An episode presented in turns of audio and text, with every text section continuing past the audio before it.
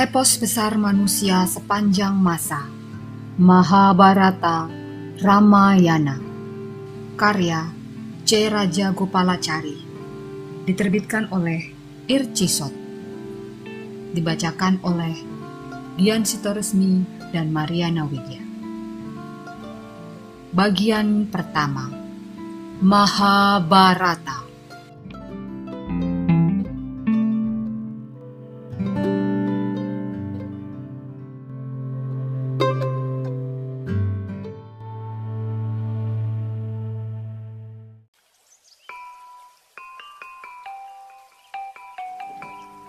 Bab 81 Kedukaan orang tua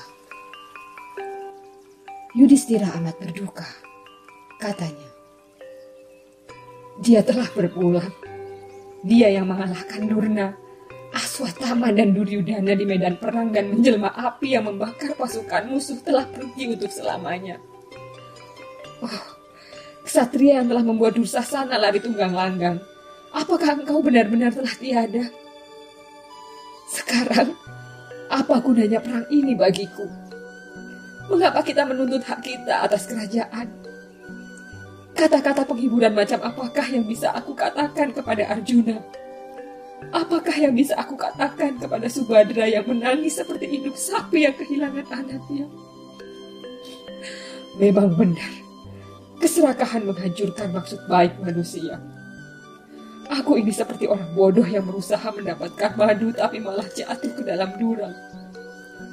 Betapa dulunya aku memerintahkan anak muda yang bermasa depan gilang kebilang ini maju ke medan perang karena ambisiku untuk meraih kemenangan. Tidak ada orang yang sedulu aku.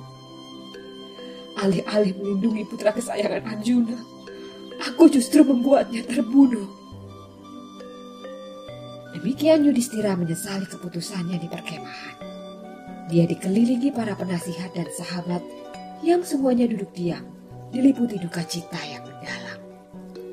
Seperti biasanya, Begawan biasa datang dan menghibur para Pandawa ketika mereka berduka. Bagi mereka, Begawan biasa adalah mahaguru dan sekaligus kakek. Maka, dia pun datang dan menghibur Yudhistira. Begawan itu diterima dengan penuh hormat dan hangat. Setelah mempersilahkan duduk, Yudhistira berkata kepada sang begawan. Kakek Resi, aku telah berusaha keras memperoleh ketenangan jiwa, tapi tidak sanggup mendapatkannya. Kata Wiyasa, engkau orang bijaksana, tidak baik membiarkan diri larut dalam kesedihan. Karena engkau telah mengerti makna kematian, tidak semestinya engkau bersedih seperti orang tidak berpendidikan. Wiyasa berusaha menghibur Yudhistira. Ketika Brahma menciptakan makhluk hidup, dia diliputi rasa cemas. Mereka akan berkembang biak dan kelak jumlah mereka akan melebihi kemampuan yang bisa ditanggung bumi. Tampaknya tidak ada jalan keluar untuk masalah ini. Kegelisahan itu berkembang menjadi api yang terus dan terus membesar hingga mengancam semua makhluk ciptaan seketika itu juga. Untunglah Rudra segera datang dan memohon Brahma supaya menenangkan api yang bisa menghancurkan semuanya itu. Brahma berkenan mengindahkan permohonan itu. Kemudian, dia kendalikan api itu dan mengubahnya menjadi sebuah hukum yang kemudian dikenal sebagai kematian. Hukum ini bisa mewujud dalam berbagai bentuk, seperti misalnya perang, wabah penyakit, atau bencana. Hukum ini menjaga keseimbangan antara kelahiran dan kematian. Dengan demikian, kematian merupakan hukum kehidupan yang tidak bisa dielakkan dan memang dimaksudkan untuk kebaikan dunia. Tidaklah bijaksana menyesali kematian atau terlalu bersedih karena kematian seseorang. Tidak ada alasan untuk menyayangkan kepergian mereka yang telah pergi menghadap yang kuasa. Ada lebih banyak alasan untuk bersedih bagi mereka yang masih hidup. Setelah mengucapkan kata-kata penghiburan itu, Krishna Dwipayana bunuh diri. Dananjaya dan Krishna sedang menuju ke perkemahan setelah berhasil mengalahkan serta membantai Raja Susarma dan pasukannya. Kata Arjuna, Pikiranku rasanya tidak tenang. Aku tidak tahu mengapa demikian. Rasanya mulutku kering dan hatiku merasa sedih seolah kehilangan sesuatu. Aku khawatir sesuatu terjadi pada Yudhistira. Aku merasa khawatir, Krishna. Jawab Krishna, jangan khawatirkan Yudhistira. Dia dan saudaramu yang lain selamat. Di jalan, mereka berhenti sejenak untuk melakukan doa sore. Mereka turun dari kereta dan berjalan kaki menuju kemah. Ketika mendekati perkemahan, hati Arjuna semakin gundah. Janardana, mengapa kita tidak mendengar bunyi alat musik dan suara orang-orang menyanyi seperti biasanya? Ketika orang-orang melihatku, orang-orang menundukkan kepala dan menghindar bersitatap denganku. Oh Madawa, aku sangat takut. Apakah menurutmu saudara-saudaraku tidak apa-apa? Aku bingung. Mengapa Abimanyu tidak berlari menyongsongku bersama saudara-saudaranya seperti biasanya? Mereka masuk perkemahan.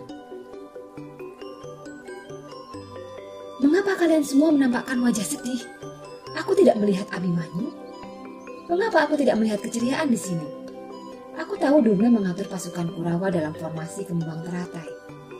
Sejauh aku tahu tidak ada di antara kalian yang bisa menembus formasi itu. Apakah Abimanyu memaksakan diri menjebol formasi itu? Jika benar demikian, ia pasti mati. Aku belum mengajarinya cara keluar dari formasi itu. Apakah benar ia telah tewas? Karena semua tidak ada yang menjawab dan semakin tunduk tak berani menatap matanya. Arjuna menjadi yakin bahwa Abimanyu telah tewas. Hatinya remuk Ya, Yang Widi, anakku terkasih telah menghadap Batara Yama. Yudhistira, Bimasena, Dristadiumna, dan Satyaki. Apakah kalian biarkan anak Subadra tewas di tangan musuh?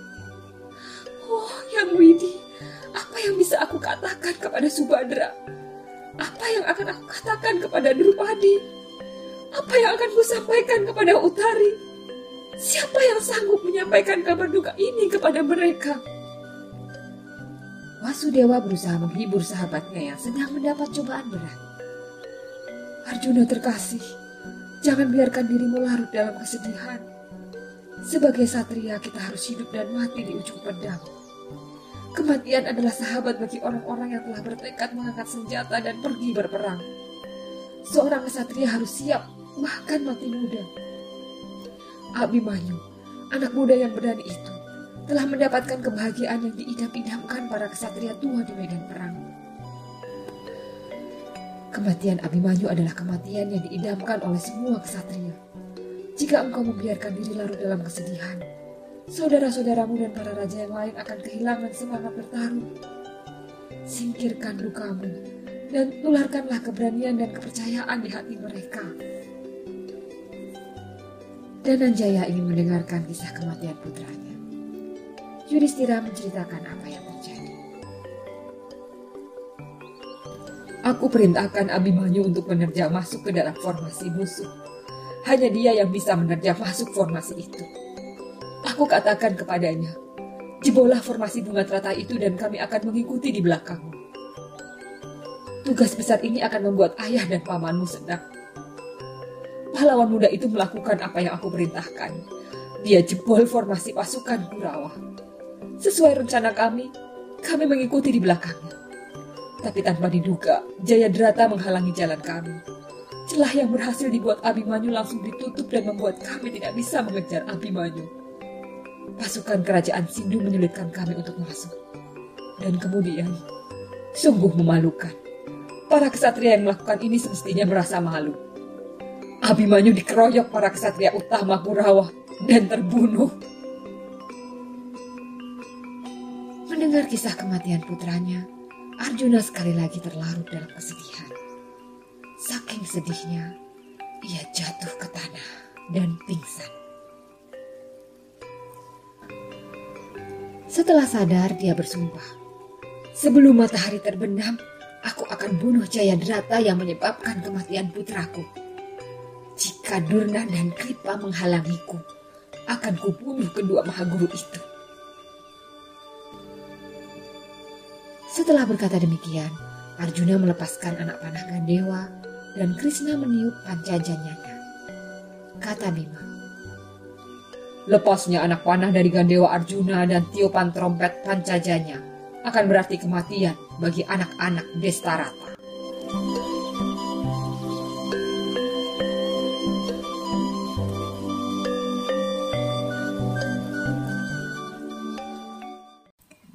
Dengarkan kisah selanjutnya di episode berikutnya.